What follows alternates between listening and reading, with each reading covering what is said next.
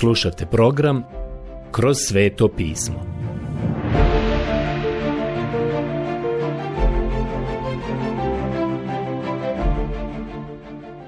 Knjiga Izlazak. Odlomak Izlazak, poglavlje 24, od prvog stiha do poglavlja 25, devetog stiha. Danas ćemo u 24. poglavlju knjige Izlaska završiti obrađivanje ovog kratkog odjeljka o socijalnom ili društvenom zakonodavstvu. Ovi zakoni koji regulišu društvene odnose su počeli u 21. poglavlju i imamo ih sve do 24. poglavlja. Ovdje se zapravo nalazi mnogo više toga što ima veze sa socijalnim zakonodavstvom nego sa deset zapovjedi.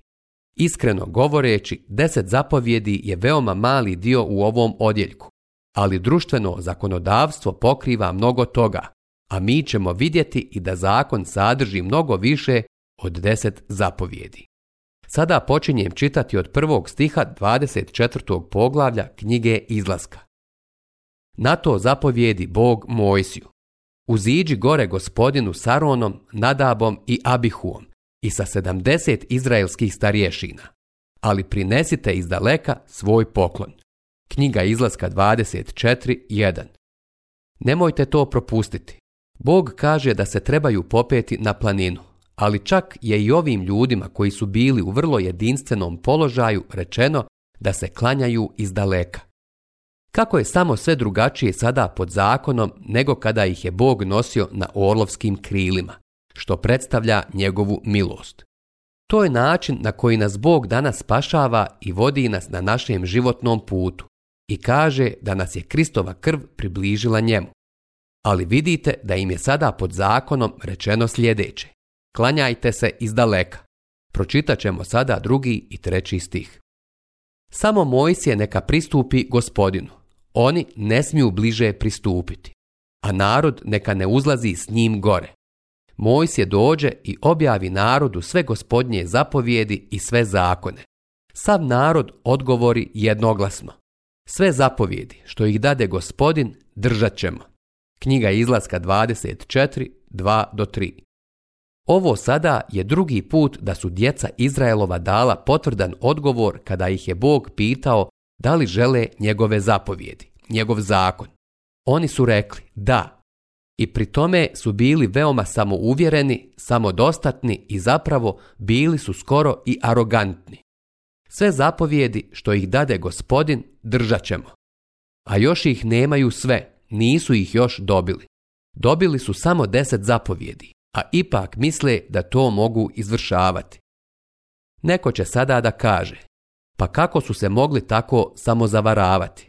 Zaista ne znam. To je nešto što me zbunjuje jer danas poznajem jako puno ljudi koji iskreno misle da žive po zakonu i da ispunjavaju Božije standarde. Samo zavaravanje je strašna stvar. Iskreno govoreći, ne mislim da postoji nešto slično tome. Sjećate se da je i apostol Ivan imao nešto reći o ovom samozavaravanju i samoobmani. Rekao je, ako kažemo da grijeha nemamo, sami sebe varamo i istine nema u nama. Pogledajte prvu Ivanovu poslanicu 1.8. Nikada ne varate svoje bližnje i nećete prevariti svoju ženu ili muža, niti svoje voljene, ali sigurno možete prevariti sebe. Ako kažemo da grijeha nemamo, sami sebe varamo i istine nema u nama. Pomislili biste da bi čovjek koji kaže da nema grijeha trebao imati i malo istine u sebi, ali Ivan kaže da se takav čovjek zavarava i da u njemu uopšte nema istine. U slučaju da niste već primijetili, Ivan je to opet ponovio u prvom poglavlju, u zadnjem stihu prve Ivanove poslanice. Ako kažemo da nismo sagriješili, činimo ga lašcem i njegova riječ nije u nama. Prijatelji, nisam to ja rekao, Ivan je to rekao. Ivan je rekao da ukoliko kažete da niste sagriješili i da se potpuno pridržavate Božijeg zakona, onda ste od Boga napravili lažljivca. Prijatelji, Bog nije lažljivac. Ne bih ga želio tako zvati da sam na vašem mjestu, pa je najbolje ne hvaliti se svojom dobrotom. Uh, kakva je samo bila bahatost ovih ljudi. Sve riječi koje je gospod rekao, izvršit ćemo. Ali oni ih nisu izvršili. Hoćete li molim vas obratiti pažnju na ono što slijedi? je napisa sve zapovjedi gospodnje. Rano sutradan načini žrtvenik pod gorom i 12 kamenih spomenika za 12 izraelskih plemena. Naloži mladim ljudima izraelskim da prinesu gospodinu žrtvu paljenicu i da zakolju junce za mirotvornu žrtvu. Mojs je uze polovinu krvi i ulije u žrtvene zdjele. Drugom polovinom krvi poškropi žrtvenik. Tada uze knjigu zavjeta i pročitaj glasno narodu. Oni se onda zakunu. Poslušajte, sada su čuli šta je zapisano. Sve što zapovijedi gospodin, rado ćemo činiti i ispunjavati. Knjiga izlaska 24, 4 do 7. Ovi ljudi su sigurno imali pouzdanja, a naravno to nije bilo ništa drugo nego samo pouzdanje. Mislili su da to mogu, ali oni to nisu izvršili i ispunili. Ovo je naravno bilo samo zavaravanje i to najgore vrste. Bićemo poslušni, rekli su Izraelci Bogu, ali oni nisu bili poslušni Bogu. Znate, prirodni čovjek misli da može ugoditi Bogu, ali on zapravo ne može ugoditi Bogu. Vi i ja uopšte ne možemo ugoditi Bogu. Vi i ja ne možemo ispuniti njegov standard. Zaboravljamo da smo mi zapravo pripadnici rase koja je, što se Boga tiče, potpuno lišena mogućnosti da ispunimo Božje standarde. Vi i ja pripadamo onima koji su neposlušni Bogu. Ukoliko sumnjate u to, zašto ne pogledate oko sebe ovaj današnji svijet? Pogledajte sve to bezakonje, Pogledajte grijeh koji je rasprostranjen u svijetu, zbrku koja je u svijetu, ateizam i bezbožnost koja je u svijetu. Prijatelj, Bog je u pravu kada nam kaže da nema pravednika, nema niti jednog. Sve što trebate učiniti jeste pogledati oko sebe. A mi živimo u vremenu kada se ono što je grijeh naziva dobrim i ispravnim. Loše se zove dobro. Prorok Izaija je rekao da će taj dan doći sigurno je već stigao taj dan. Čitamo sada osmi stih. I Mojs je uze krv, poškropi njom narod i reče Ovo je krv saveza što ga gospodin s vama sklopi na temelju svih ovih zapovjedi.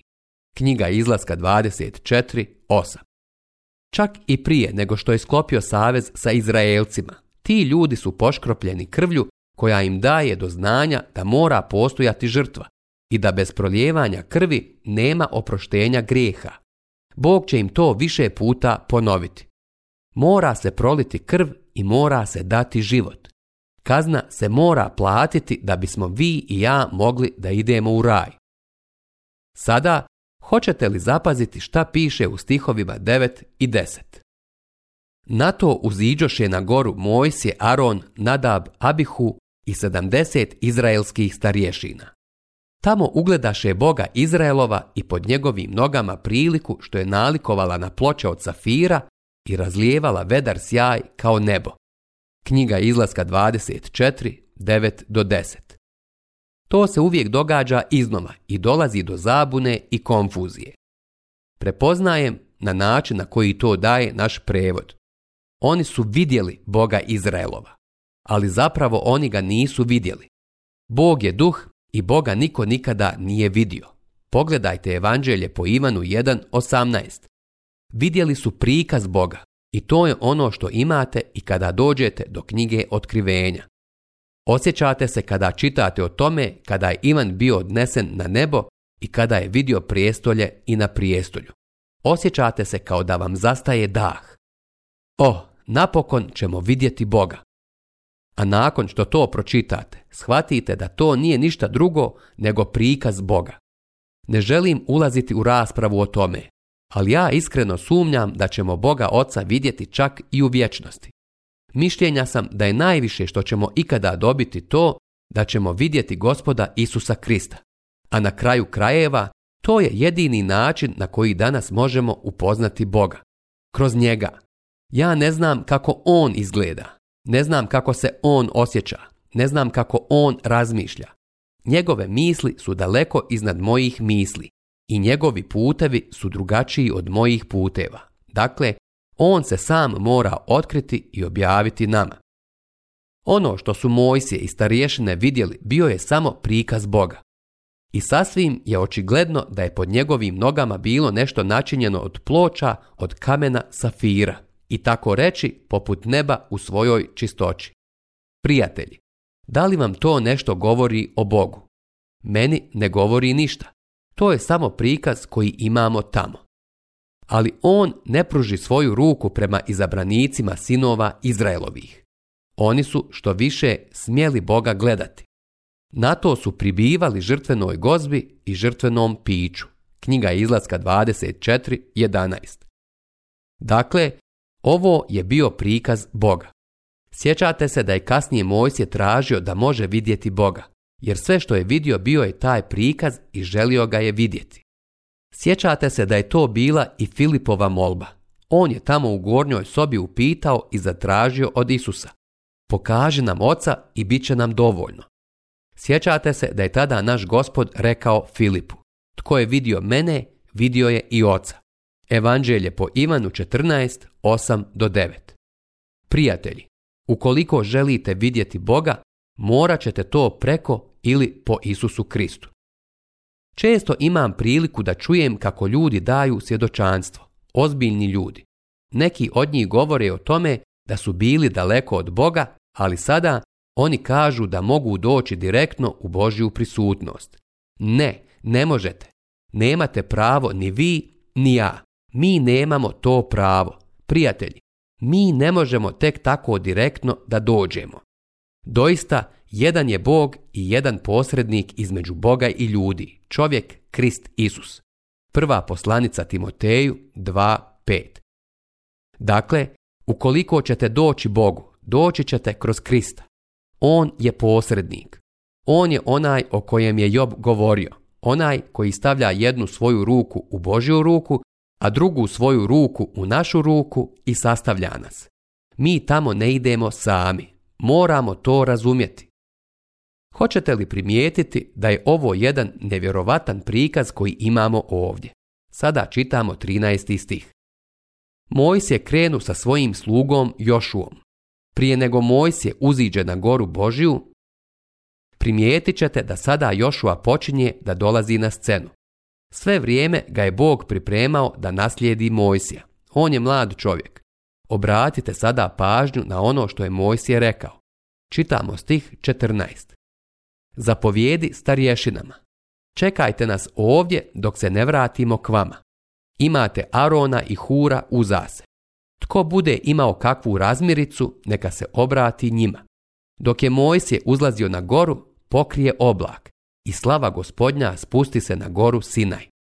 Šest dana pokrivao ju je oblak. Sedmog dana pozva on Mojsija iz oblaka. Očima sinova Izraelovih prikaza se slava gospodnja kao oganj što sažiže na vrhuncu gore. Izlazak 24.14. do 17. Vidite, to je bila slava gospodnja, a čak i to je u očima sinova Izraelovih izgledalo kao oganj koji proždire na vrhu brda. je pođe unutra, usred oblaka, kad je bio posle uzišao na goru, 40 dana i 40 noći osta Mojsije na gori. Knjiga izlaska 24.18 Sada, tokom tog vremena, dobio je uputstva koja imamo u ostatku ove knjige. 25. poglavlje Uputstva za šator sastanka Ovdje, sada od 25. do 30. poglavlja, imate nacrt za izradu šatora sastanka i uzorak za odjeću za velike sveštenike. Zatim imate izgradnju šatora sastanka i njegovo podizanje, kao i činjenicu da je bio ispunjen gospodnjom slavom.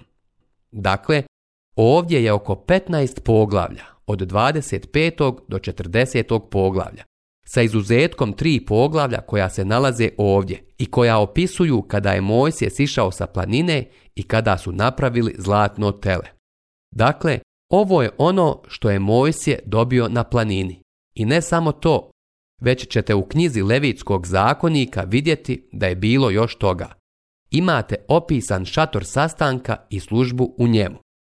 Šator sastanka je bio samo središte života sinova Izraelovih središte njihovog tabora, najvažniji dio, jer to je bilo mjesto gdje su pristupali Bogu. Sada želim da pročitam prvi stih 25. poglavlja. Gospodin zapovjedi Mojsiju. Zapovjedi sinovima Izraelovim neka skupljaju zame prilog. Od svakoga koji hoće da drage volje da, uzmite zame prinos. Knjiga izlaska 25.1 Izraelci su upravo izašli iz robstva. Tek je prošlo nekoliko mjeseci nakon što su izašli iz robstva. A sada se od njih traži da daju prinos gospodu. I usput da kažem, u pitanju je nevjerovatan prinos koji su ti ljudi dali gospodu. Donijeli su više nego dovoljno. Ovo je jedini put da sam čuo za tako nešto. Da su ljudi bili zamoljeni da prestanu donositi i davati. Nakon što su dali dovoljno da se napravi šator sastanka, Mojsije je morao staviti znak stop i reći imamo dovoljno. Nikad prije to nisam čuo i siguran sam da to nikada nisam doživio. A vjerovatno niste ni vi doživjeli. Oni su donedavno bili robovi i sada trebaju donijeti prinose i priloge gospodu. A ovo je ono što su trebali donijeti. Čitamo sada stih 3. A ovo je prilog što ćete ga sakupljati od njih. Zlato, srebro i mjed, Ljubičasti i crveni skrlet. Tamno crveno predivo. To su očigledno bile boje koje su koristili u Egiptu. One su još uvijek svijetle, čak i danas kada ih pronađu u grobnicama. Vjerujte mi, boje koje su ti ljudi koristili bile su izvanredne. Mišljenja sam da su oni načinili materijal koji je korišten u šatoru sastanka i boje i tkanine. Lan, fino platno. U pitanju je fina tkanina, egipatski lan, ali o tome ćemo kasnije. Kostrijet, ovnujske kože crveno obojene, kože od morske krave. Usput da kažem, to su kože tuljana. I drvo bagrema, ulje za svječnjak, mirise za ulje pomazanja i za mirisavi kad. Oniksovo kamenje, i drugo drago kamenje za ukivanje na oplečak i naprsnik. Knjiga izlaska 25, 3 do 7.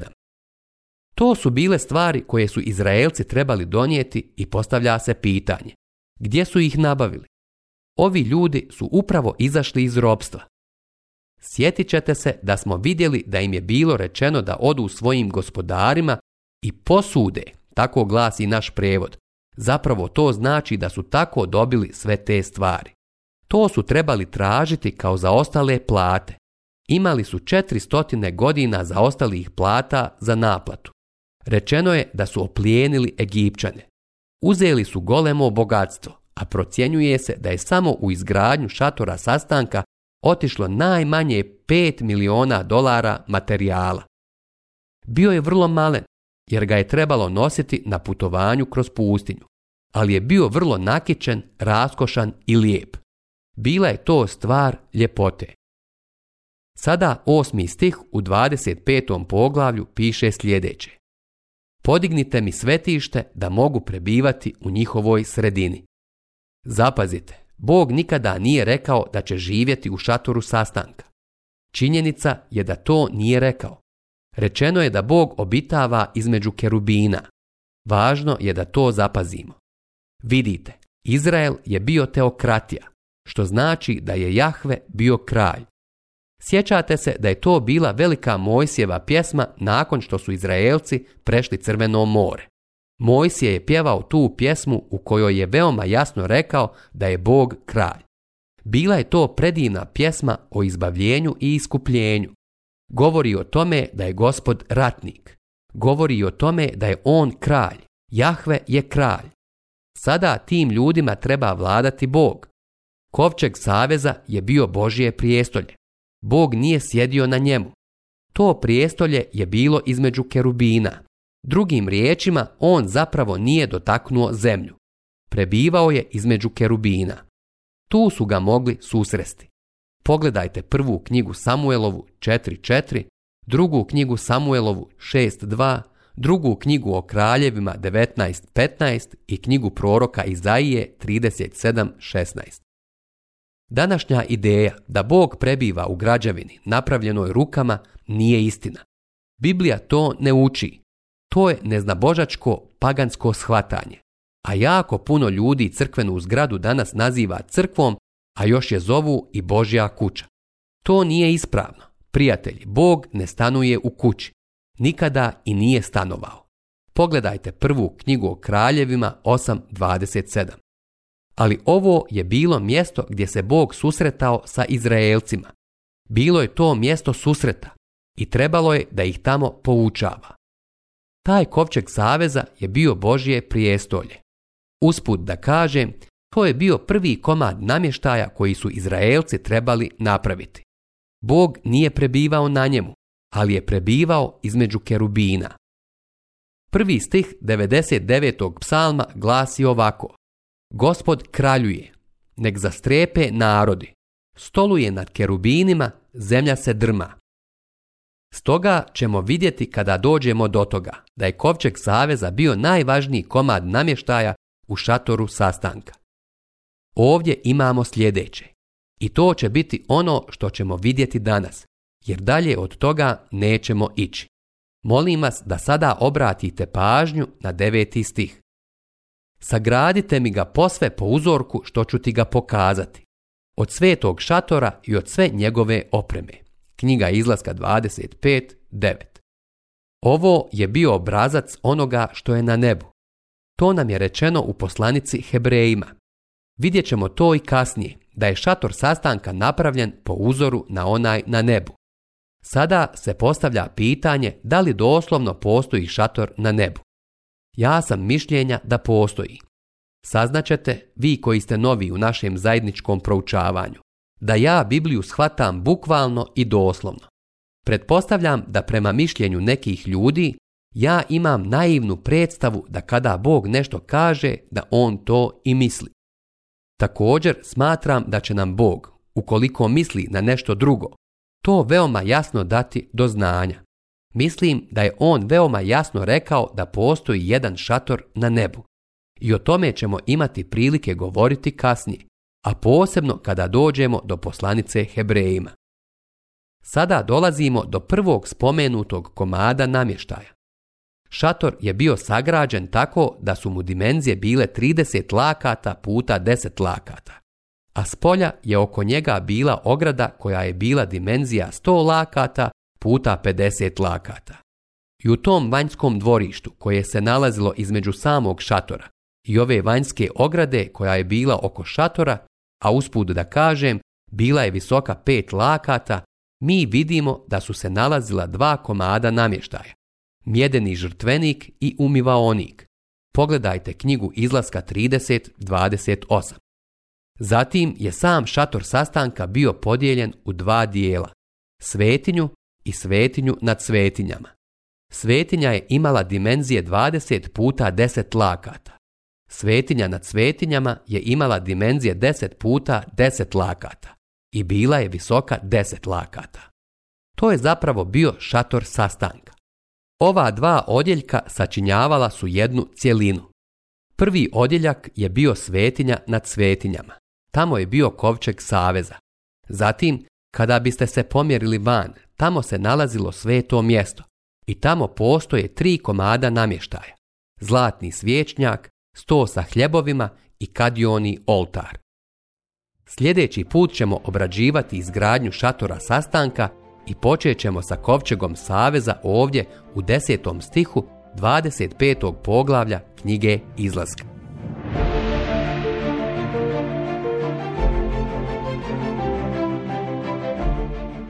Slušali ste emisiju Kroz sveto pismo.